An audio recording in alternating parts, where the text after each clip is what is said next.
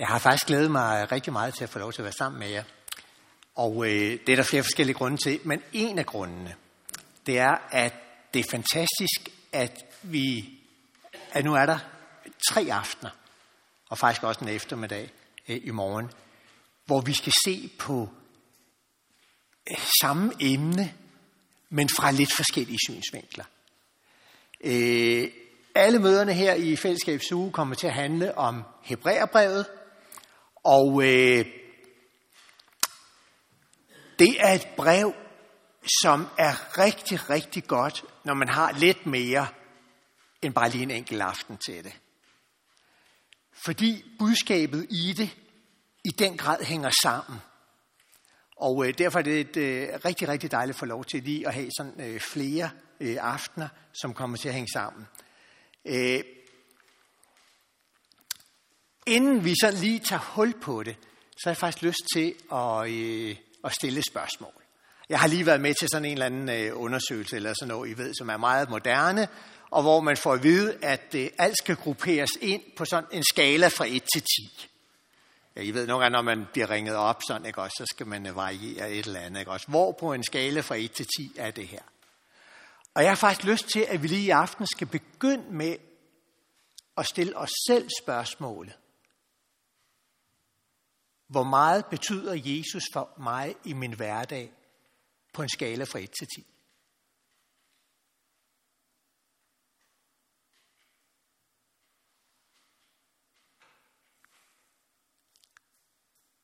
Hvis vi sådan lige tænker efter.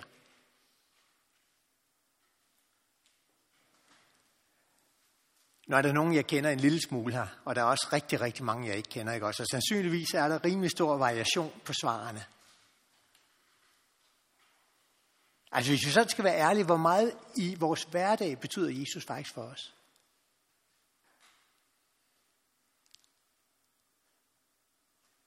Fem? Ni? Tre? Ti? Hvor er vi henne? Hver især. Altså, der er jo faktisk noget, noget galt med spørgsmålet. Det kan faktisk forstås på to måder, ikke også? Det kan forstås på den måde, hvor meget er jeg bevidst om, hvad Jesus fylder i min hverdag? Altså, hvor meget tænker jeg over det? Men det kan også forstås på en anden måde. Helt reelt, hvor vigtig er han faktisk? Også når jeg ikke tænker over det. Og det er lige præcis det, Hebræerbrevet handler om. Hebræerbrevet handler om, hvor alt afgørende Jesus er for os. Uanset om vi tænker på det eller ej. Og det er noget af det, vi skal hoppe sådan lige direkte ind i i aften og blive mindet om. Ikke øh, sådan bare tilfældigt ved nogle løse tanker eller et eller andet, men gennem Hebræerbrevet, som Helligånden har givet til den kristne kirke, den kristne menighed på jorden, og i aften der er det altså til os. Og vi skal læse de der 3-4 vers, og vi skal arbejde os lidt ned på den, og prøve virkelig at få fat i, lige nu i aften, der har Gud noget, han gerne vil minde os om. Og det drejer sig om, hvor vigtig Jesus er. Og nogle forskellige sider af det. Og så lærer Jesus os, at når Gud på den måde taler til os, så er der forskellige måder, vi kan høre det på. Altså lignelsen om sædemanden, for eksempel. Ikke også? Man kan høre, og så er det ude af tankerne med det samme. Man kan høre, men det kommer ikke rigtigt ind, fordi der er så rigtig, rigtig, rigtig meget andet, der lige fylder vores bevidsthed. Tænk fra vores dag i dag. Tænk fra den sidste tid. Ting, der måske bekymrer os, sådan som, som Mette også de sagde i indledningen. Ikke også? Og så når budskabet ikke ind. Der er også den mulighed, at når Gud taler til os, sådan som vi skal opleve det gennem de her vers fra Hebræerbrevet i aften, altså går det lige direkte ind og sætter spor i vores liv. Og det er selvfølgelig det, vi, det vi længes efter. Det er det, vi, vi håber på. Også for i aften, og i det hele taget for, for de her tre dage, ikke også? At vi må høre det på sådan en måde, at det virkelig, med det bibelske udtryk, bærer frugt i vores liv. At det ændrer noget. At det gør en forskel. Men hvis det skal det, så kræver det, at den hellige ånd, der for et par tusind år siden var inspirationen bag ved de her vers, at han også i aften virkelig virker på os. Og der skal vi lige igen bede sammen, om at han må det.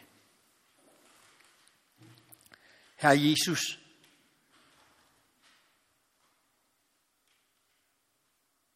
vi ved, at du er her, fordi du lovede det.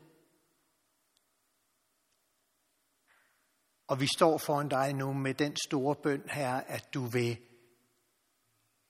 lade Helligånden for det ord, vi skal læse og arbejde med, til virkelig at trænge ind i os. Igennem alle de der lag, som, som kan hindre det. Så det når ind i kernen af vores personlighed. Vi beder om, at vi i aften må se mere af, hvorfor du er så stor og vigtig. Til din ære, Herre. Det er det, vi beder om. Amen. Ja, og så har jeg tænkt, at vi lige skal bruge et par minutter, meget, meget kort, til lige at se på Hebræerbrevet. Fordi, øh, jeg ved godt, der er lidt forskel på, hvem der kommer hvilke aftener og sådan, ikke også? Men, men det er det, der sådan er vores hovedemne lige for de øh, næste tre øh, aftener her. Så meget, meget kort, så lad os lige prøve at øh, se på, hvad er Hebræerbrevet overhovedet, som vi nu skal tage hul på i aften. Adressen, det er skrevet til jødekristne. Hebræere, jødekristne. Og det præger det på rigtig mange måder, og derfor er vi undervejs nogle gange nødt til lige at lære en lille smule fra Israel, for at det kan åbne sig, så vi virkelig får fat i, hvad der står. Det er ikke mærkeligt, at det er sådan, fordi det er skrevet til jødekristne i første omgang. Og nu har vi også fået det, og i aften vil Gud tale gennem det også til os. Formål. Hebræerbrevet har et formål. Hvis vi nu har taget nogle af de andre skrifter i Bibelen, så kan der godt være flere forskellige formål. Hebræerbrevet, det er i den positive forstand snæversynet. Det har kun ét formål. Og det er fuld af gentagelser. Og det er det samme, der kommer igen og igen og igen. Og formålet, det er at ophøje Jesus. Ham, der har skrevet Hebræerbrevet, og vi ved ikke, hvem det er. Der er nogle forskellige gæt, vi ved det ikke. Ham, der har skrevet Hebræerbrevet, han har haft det formål, at når man har læst det, så skal man have set så meget af, hvor vigtig Jesus er, at man resten af livet aldrig glemmer det. Det er formålet. Intet mindre. Hebræerbrevet er ikke lykkedes, hvis det ikke er det, der er målet. Hvis det ikke er det, der er resultatet. Ophøje Jesus. Og det er så vigtigt, at han simpelthen har valgt at opbygge hele brevet efter det. Hans, og, det og det kommer frem, nu får I lige en, en oversigt, og så skal vi nok se mere på det i løbet af, af, af aftenen her. Ikke? Nu får I ligesom lige en kort oversigt over hele brevet, og øh, vi skal bare lige lægge mærke til de hovedafsnit, der er. Hebræerbrevet begynder her med de første tre-fire vers, men det, det er lige om man væk skældner det mellem øh, vers 3 eller vers 4, som er vores tekst i aften, det vi skal se på. Og der er fokus, Jesus er stor. Så er det stået fast, helt fra starten af. Altså, Hebræerbrevet er ikke en kriminalroman hvor man begynder at læse, og så får man øh, et komplot, og der sker et mor, og så skal man helt hen til sidste side, før man får løsningen. Hebræerbrevet er en omvendt kriminalroman, der starter med at smække løsningen ud. Jesus er stor, det er løsningen. Og så tager vi alle forklaringerne og uddybningerne bagefter. Sådan er Hebræerbrevet opbygget, også i den grad. Og efter det sagt, så uddyber han det gennem en række afsnit. Kapitel 1, og, eller resten af kapitel 1 og kapitel 2, det handler om, at Jesus er større end engle. Hvorfor er det vigtigt? Det ser vi på i morgen. Det næste, det er, at Jesus er større end Moses. Det indeholder faktisk et helt vildt budskab. Det skal vi også se på. Og det tredje er, at Jesus er større end ypperste præsten i Jerusalem. Og nu er det måske ikke lige ham, vi sådan til hverdag går og tænker mest på, vel? Det er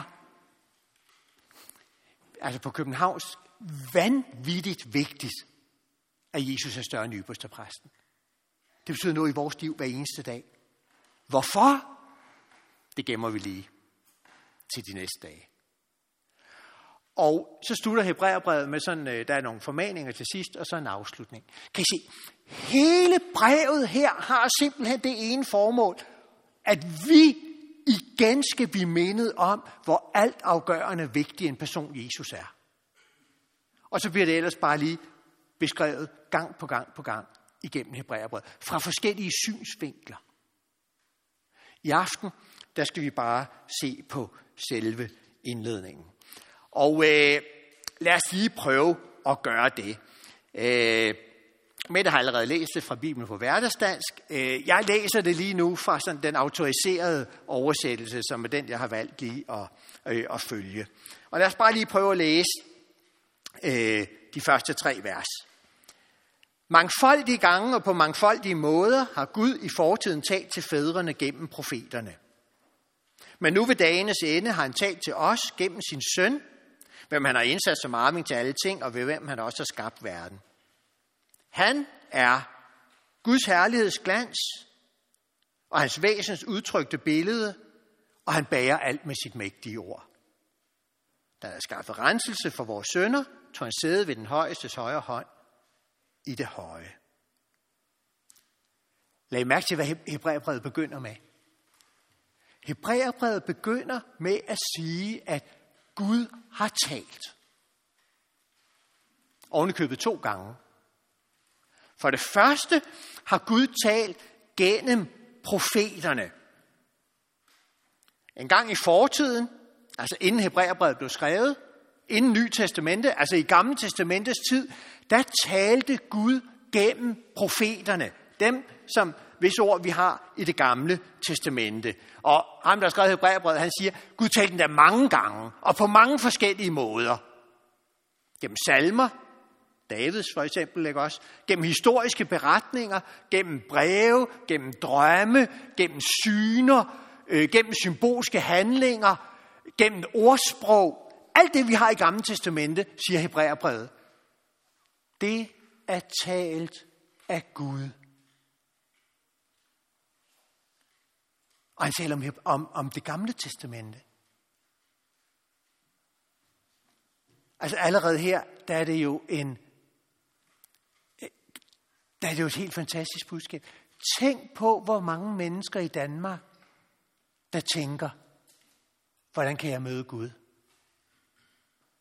Hvordan kan jeg? Jeg kan ikke se ham. Jeg er ikke så religiøst anlagt måske. Og så kommer Hebræerbrevet lige og siger, jamen, vil du gerne høre, hvad Gud siger? Bare gå i gang med at læse Gamle Testament. Det er det, han taler. Og så ved vi, at det gælder også Nye Testament, ikke også? Bibelen er talt af Gud. Vil vi møde ham, så er det der, vi møder ham. Han har talt gennem profeterne, han har talt gennem Bibelen. Og det anden måde, han har talt på, det han har talt gennem sin egen søn Jesus. Det er Hebræerbrevets start. Gud har talt til os.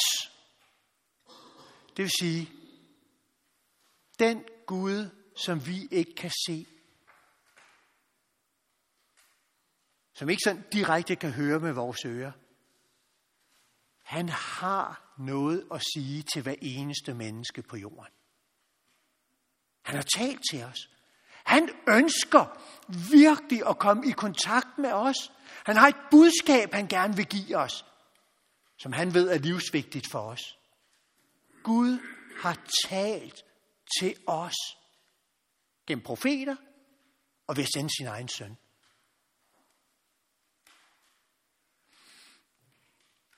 I aften er det os, der skal høre det ord, han har talt. Det er os, Gud har et budskab til.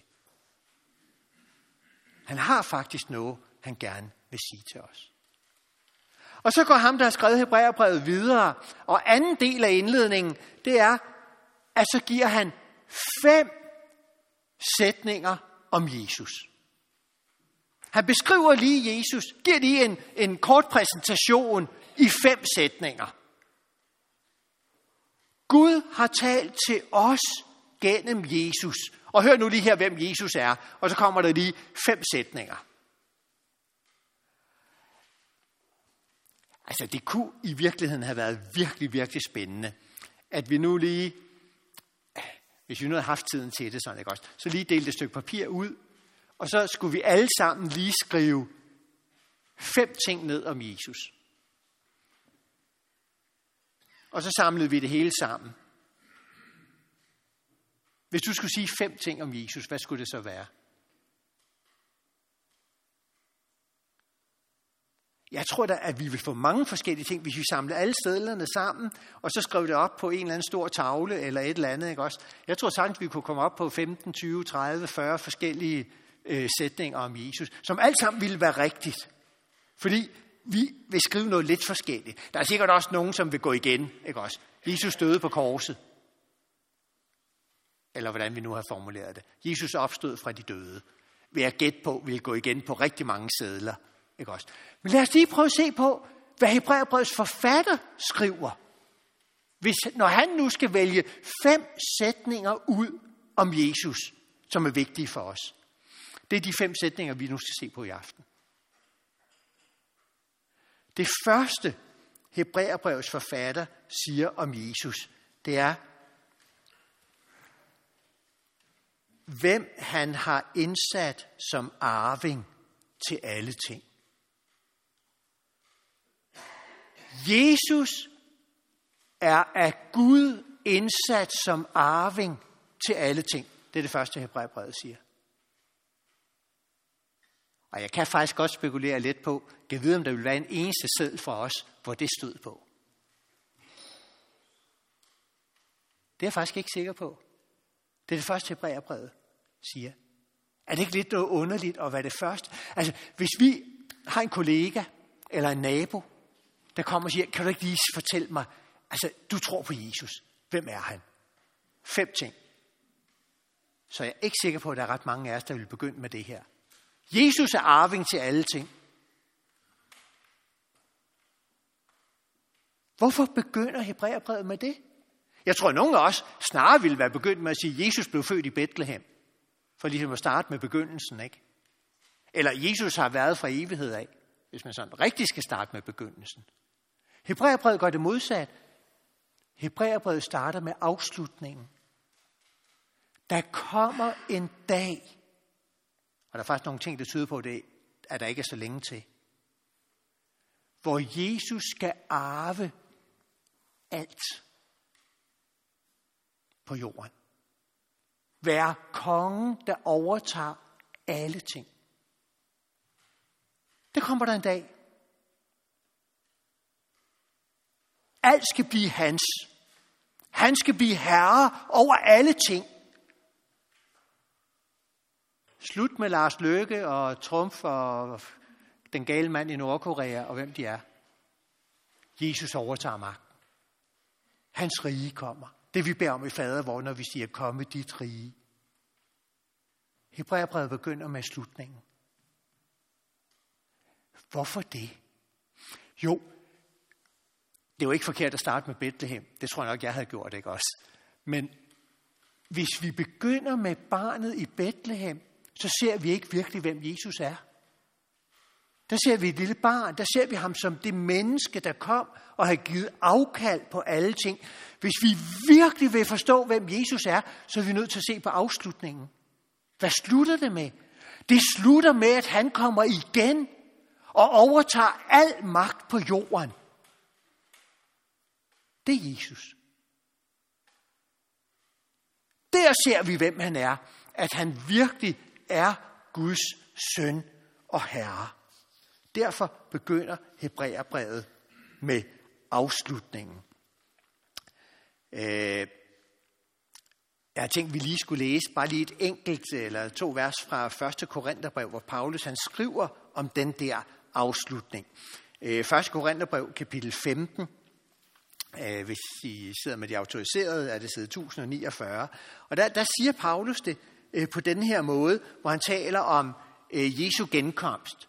Så siger han, derefter kommer enden, når han har til gjort al magt og myndighed og kraft og overgiver riget til Gud Fader. For Kristus skal være konge, indtil Gud får lagt alle fjender under hans fødder. Det er det, Hebræerbrevet henviser til. Ved I hvad, det kan godt være, at der er mange mennesker, der ikke tror på Jesus. Det kan godt være, at der er alle mulige religioner. Det kan godt være, at det ikke endda er særlig populært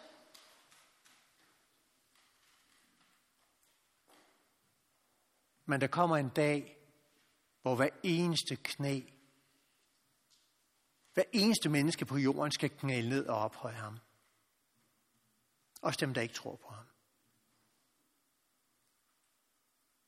Hvor hver eneste tunge skal sige, hold da op. Han er Herren. Han er Guds søn. Se, hvor stor han er. Intet menneske kommer udenom Jesus. Om ikke før, så den dag, hvor vi bare må falde ned for ham og tilbe ham, når han kommer igen. Han er arving til alle ting. Det er der Hebræerbrevet begynder. Så går Hebræerbrevet videre, og det næste, ham der har skrevet Hebræerbrevet, siger, det er, at ved hvem Gud også har skabt verden. Se, nu går han tilbage til begyndelsen, ikke også? Han begynder med afslutningen. Jesus kommer igen og arver det hele. Og så siger han, jamen, ligesom Jesus er den, det hele slutter med, sådan er Jesus også den, det hele begyndte med en gang. Han var med, da verden blev skabt. Han har en forhistorie længe før fødslen i Bethlehem. Han var det Guds ord, som verden blev skabt ved. Igen, hvis vi lige skal se et enkelt andet sted i Bibelen, der understreger det samme, så er det i Kolossenserbrevet 1.16. Ja, der er mange andre steder også. Men i Kolossenserbrevet 1.16, der siger Paulus det sådan meget stærkt. I ham, altså Jesus, blev alting skabt. I himlene og på jorden, det synlige og det usynlige, troner og herskere, magter og myndigheder. Ved ham og til ham er alting skabt.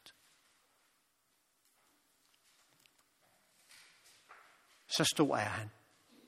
Han er den Gud skabte hele verden ved. Så kommer det tredje, forfatteren til Hebræerbrevet siger, og det er, lidt, det er måske lidt mere underligt. Han siger, Jesus er Guds herligheds glans og hans væsens udtrykte billede. Hvad vil det sige?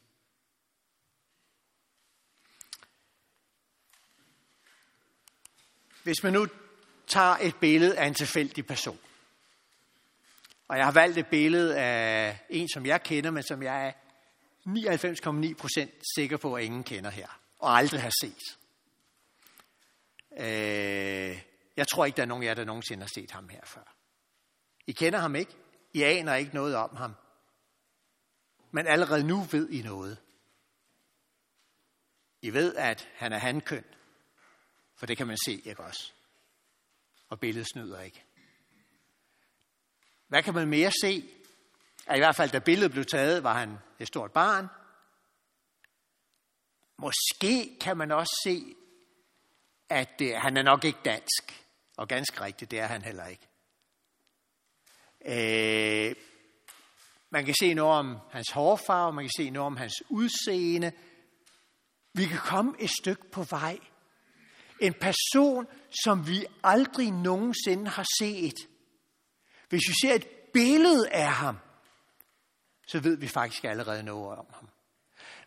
Hvis billedet er sandt, altså nu om dagen kan man jo sagtens gå ind og fuske med billeder, ikke også, og lave alt muligt ved dem, så de faktisk lyver.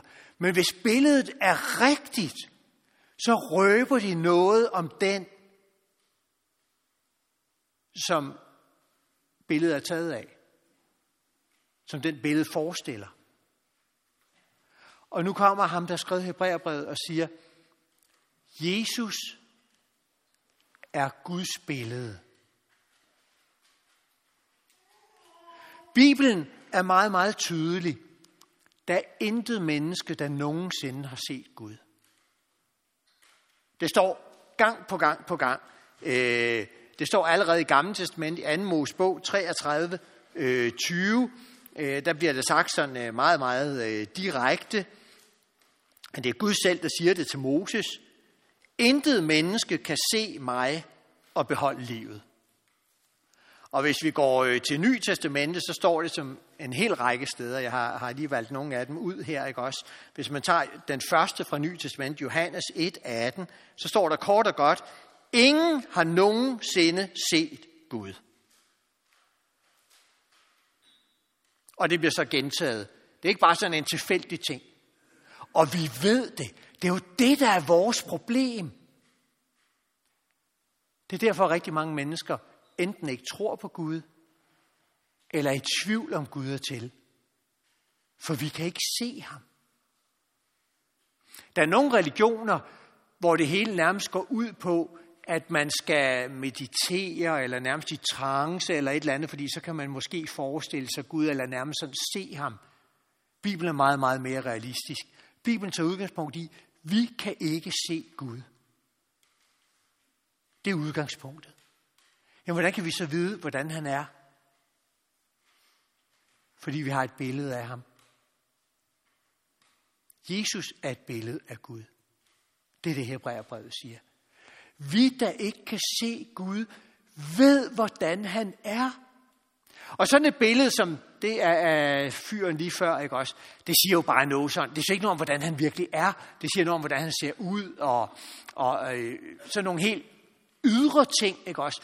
Men Jesus er Guds væsens udtrykte billede. Et fuldstændig sandfærdigt billede. Et billede ikke bare sådan af det ydre, men af Guds væsen. Når vi ser på Jesus, ved vi, hvordan Gud er.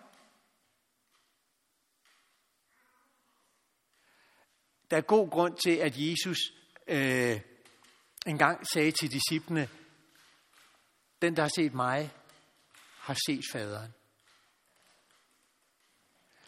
Hvis vi ønsker at vide, hvordan Gud er, så skal vi se på, hvordan Jesus er.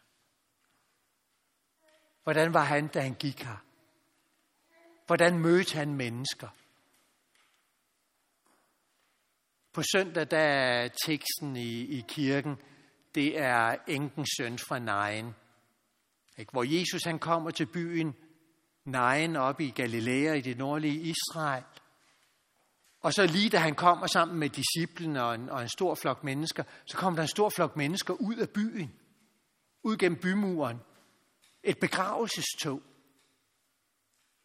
Forrest der bar de en borger, hvor der lå den her unge mand, hvor gammel han så har været, død. Og lige bagved, der gik hans mor. Og Lukas, der fortæller os det, han fortæller, at det, det var anden gang, hun havde gået til sådan en tragisk begravelse. Hendes mand var død også. Hun havde prøvet det før. Det at gå lige bagved borgen. Og nu var hun alene. Hvad gør Jesus så? Prøv at lægge mærke til det på søndag. Det står utrolig stærkt i Lukas. Jesus han ser hende. Altså, der har været måske adskillige hundrede mennesker. Alle dem Jesus kom sammen med, og så var der hele optoget, der kom inden fra byen, hvor traditionen var jo, at man fuldtes til en begravelse. Der gik den halve by måske med ud til begravelsen. af. Og så står det bare, Jesus så lige præcis hende, der gik der og led. Hende, der gik og græd. Hende, som livet havde været så hårdt ved. Jesus så hende. Og så fortæller Lukas, at det var ikke bare sådan et glimt, der ligesom, nå ja, okay, der er nok begravelse en egen dag. Men da Jesus så hende, så rørte hans hjerte. Og han bliver grebet af kærlighed og medfølelse og medlidenhed med det her menneske, der lider, og som livet har været så hårdt ved. Og så kender vi beretningen af Jesus går hen, og så gør han det fuldstændig, fuldstændig utænkeligt, så rører han ved borgen. Og gør drengen levende. Og det sidste, Lukas så siger, det er, at så gav Jesus drengen til moren. Sikke en gave at få. Prøv lige at se. Der ser vi, hvordan Jesus er, når han møder et menneske, der lider. Der er rigtig mange mennesker i Viborg i aften, der lider.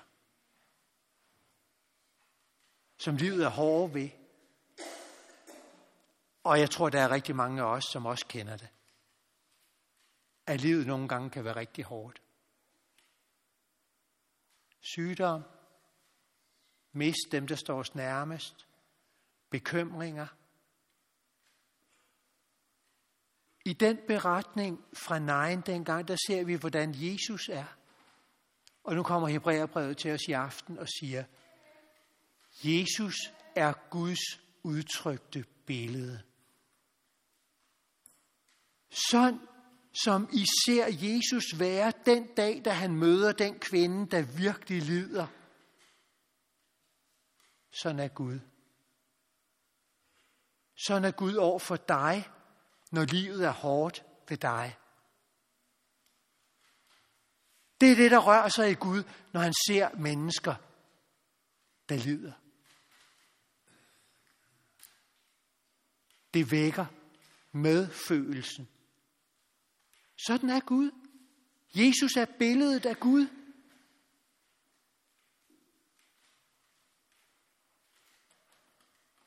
Det er det, Hebræerbrevet vil minde os om i aften. Og så mangler vi lige to ting. Det næste, som Hebræerbrevet siger, det er, at han bærer alt med sit mægtige ord. Han bærer alt med sit mægtige ord. Hvad betyder det? Jo, Hebræerbrevet har jo allerede, han har jo allerede lige sagt, som nummer to ting, at Jesus var med ved skabelsen. Han var med, da, han sat, da Gud satte det hele i gang. Da jorden blev skabt, mennesket blev skabt, da Gud satte det hele i gang, var Jesus skaberordet. Men nu går Hebræerbrevet et stykke videre og siger, det er det ikke bare et eller andet, altså I ved, man, man skubber et tog i gang, og så kører det bare af sig selv. Sådan er det ikke. Ham, der satte det hele i gang, er også ham, der gør, at det hele eksisterer i dag. Eller for at gøre det sådan lidt mere præcist. Hvis ikke Jesus bar os med sit ord lige nu, så vil vi døde væk. Der er ingen af os, der lever sådan bare af os selv. Jesus siger i sted, der er ingen, der har liv i sig selv. Vi skal holde sit liv af noget. Og Bibelen siger, det der holder os i live, det er Guds ord. Jesus siger det jo selv i et, øh, i et øh, skriftsted, Matthæus 4, 3-4, hvor han siger, at mennesket lever Øh, ikke af brød alene, men af hver ord, der udgår af Guds mund. Mennesket lever ikke af brød alene, men af hver ord, der udgår af Guds mund. Jeg tror tit, at vi bruger det måske sådan mest i sådan åndelig forstand, ikke også? Som kristne, der, der har vi brug for, for Bibelens ord, vi har brug for forkyndelsen, for at leve som kristne. Men i virkeligheden, der er det ord, altså det, det er også rigtigt, selvfølgelig er det det, men jeg tror faktisk, det er noget andet, Jesus taler om. For det ord, der som Jesus siger ved fristelsen i Matthæus 4, det peger i virkeligheden tilbage til 5. Mosebog, hvor det handler om mannaen på ørkenvandringen. Altså det brød, som Gud gav Israels folk på ørkenvandring, og som gjorde, at de overlevede i ørkenen i 40 år. Altså sådan helt konkret overlevede. Når Jesus siger, at mennesket lever ikke af brød alene, så mener han det helt konkret. Det er ikke nok for os at få rugbrød og ilt hver dag. Det lever vi ikke af. Jeg kan huske en gang på en efterskole, øh, hvor der var nogle unge, der skulle illustrere det her for eleverne. Og de gjorde det meget dramatisk, og jeg glemmer det aldrig. De havde hentet, I ved, sådan et øh, rullebord ude fra køkkenet, øh, som man bruger til at køre madvarer ind på, ikke også? Og så havde en af dem lagt sig på bordet, øh, sådan at hovedet stak ud i den ene ende, og så et stort lag over, og så var der bare de bare tæer, der stak ud i den anden ende. Og så var der bundet en øh, snor med en seddel på, med navn og personnummer på, øh, på tæerne, der stak ud i den ene ende der, ikke også? Og så, mens eleverne sad der og alle sammen kiggede op, ikke også, så kom de rullende ind med det her lig op igennem midtergangen, ikke også? Og det kan godt være, der var nogen, der havde sovet ind til det tidspunkt, men lige på det tidspunkt, der vågnede alle op, ikke også? De kom rullende ind med et lig øh, ind her midt igennem. Og så rullede de rullebordet op foran, og så er de en par cornflakes med, og så noget, de påstod, skulle ligne en lille mask. Ikke? Og så forsøgte de at hælde cornflakes ned i, i den døde, ikke også? Det blev han ikke levende af. Lad en iltmask på. Det blev han ikke levende af. Okay, nu er det skuespil, ikke? Men det er rigtigt. Der skal mere til end mad og ilt, for vi lever. Det er ikke nok med mad og ilt. Og det er det, Jesus han siger. Hvad er det, der mangler? Altså, ellers var det jo let nok at være bedemand eller arbejde på et hospital, ikke? Men der mangler noget. Man bliver ikke levende af det alene, for menneske lever ikke af brød alene men af hver ord, der udgår af Guds mund. Det vil sige, ligesom dengang ved skabelsen, hvor Gud skabte ved at sige, der skal blive, og så blev det til. Det er ikke kun at sætte tingene i gang, men det er også i dag, at det foregår på den måde. Det er Gud, der ved sit ord i himlen holder os i live. Og det betyder rigtig, rigtig meget. Jeg tror, mange af os måske kender den der fornemmelse, har Gud glemt mig? Der er nogle mennesker, der lever med den i overvis, og det kan være forfærdeligt hårdt. Der er det her et evangelium. Hvis Gud et brøkdel af et sekund glemte os, så var vi der bare ikke mere. For vi lever ikke i os selv. Vi lever, fordi han konstant og hele tiden giver os livet. Han bærer os med sit ord. Så du ved med total sikkerhed, at Gud ikke har glemt dig. For det er ham, der gør, at du lever lige nu. Han bærer dig med sit ord. Jeg husker første gang, der var en, der, der var helt ung, og gik i skole i København, øh, der gik jeg i en... Øh, en af mine lærere, han var... Han spillede skak. Han var faktisk på et tidspunkt verdens, Danmarksmester i skak. Øh, han var min historielærer, øh, da jeg læste til, øh, til studentereksamen. Og øh, han, øh, han havde en mærkelig vane, og det var, at han vidste, at der var, vi var et par kristne i klassen. Og, øh, og han kunne sådan stå op foran ved tavlen, og så kunne han øh, håne troen på Gud, eller også kristne. Og så kunne han sådan stå nærmest, og han havde en lille smule mave, sådan, med al respekt, ikke? Sådan en lille smule. Han kunne nærmest stå sådan og, og, og, og klukle. Og jeg synes, det var afsindigt irriterende. Og det var også lidt svært at forholde sig til. Altså ham der, så, der var sådan lidt, det var lidt overlegent, ikke? Og, og så sad jeg sad helt nede på bagerste række, og, og så skulle man sådan ligesom blive udsat for det der, ikke? Og så havde jeg været på en weekendlejr, hvor der var en, der underviste i det her vers fra Matthæus 24. En bibelunderviser. Menneske lever ikke af brød alene, men af hver ord, der udgår af Guds mund. Og for første gang nogensinde, der var det lige gået op for mig. Hold da op. Det er Gud, der gør, at jeg lever lige nu. Og så kom jeg i skole ugen efter, og så stod min historie. Så havde han en af de der dage, hvor han hånede.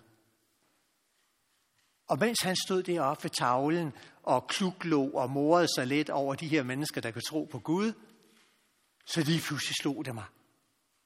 Hold da op, Bjørn, det hed han. Du er jo totalt til grin. For hvorfor kan du gøre det? Det kan du kun, fordi Gud bærer dig med sit ord. Det er Gud, der holder dig i live lige i dette her øjeblik, så du kan stå og grine af ham. Hvis Gud blev så irriteret, så han lige et øjeblik lod være med at lade sit ord bære dig, så er du væk. Se, det kan man kalde at save den gren over, man selv sidder på. Det er Gud, der bærer os med sit ord. Det er Jesus, der bærer os med sit ord. Og det er det, Hebræerbrevet minder os om her. Og så det sidste, vi skal, inden vi skal runde af, det er, at der står, at da han havde skaffet renselse for vores sønder, tog han sæde ved den højeste højre hånd i det høje. Jesus har skaffet os renselse for vores sønner.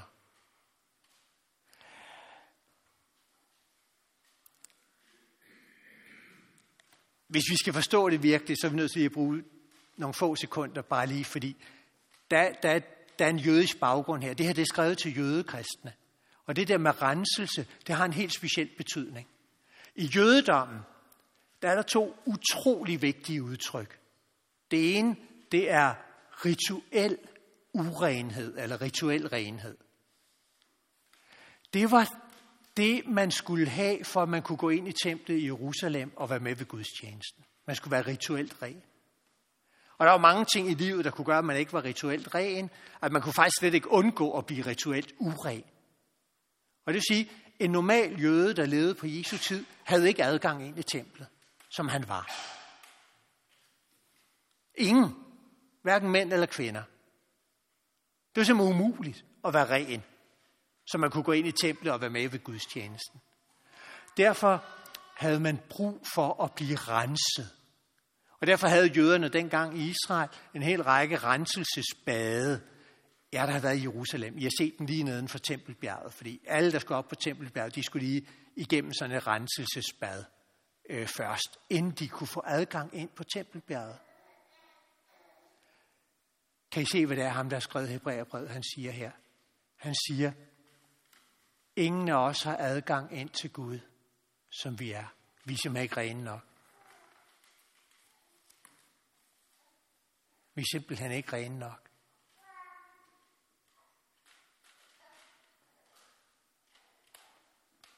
Men der er en, der har fremskabt en renselse.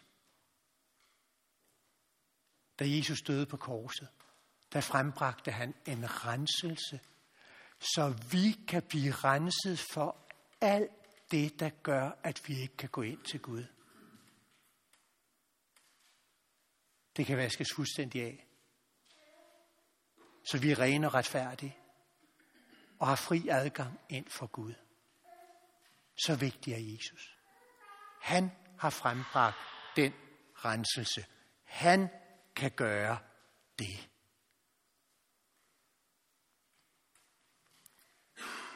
Hvor, hvor vigtig på en skala fra 1 til 10 er Jesus for os.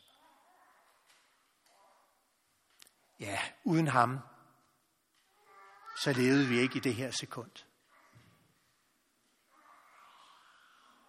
Uden ham, så ville vi ikke kunne stå foran Guds ansigt. Ikke nu, og ikke på dommens dag. Uden ham var den her verden slet ikke blevet til. Uden ham vil alt det onde bare fortsætte for evigt. Nu kommer der en dag, hvor han kommer og stopper det og overtager magten. Hans rige kommer, som vi bærer om. Så vigtig er Jesus. Så vigtig er han objektivt. Og så kommer det subjektive spørgsmål til os. Hvor vigtig er han for dig?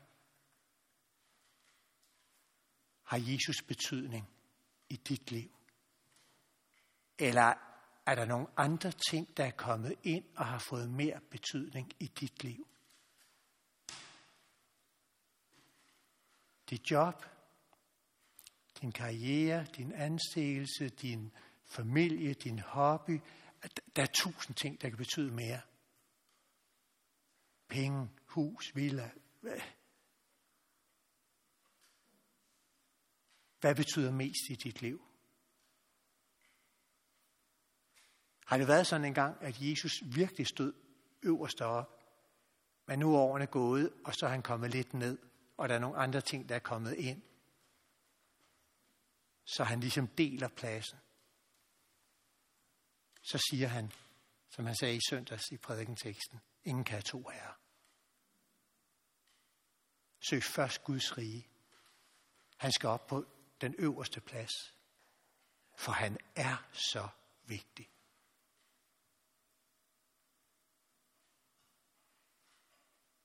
Så stor er Jesus.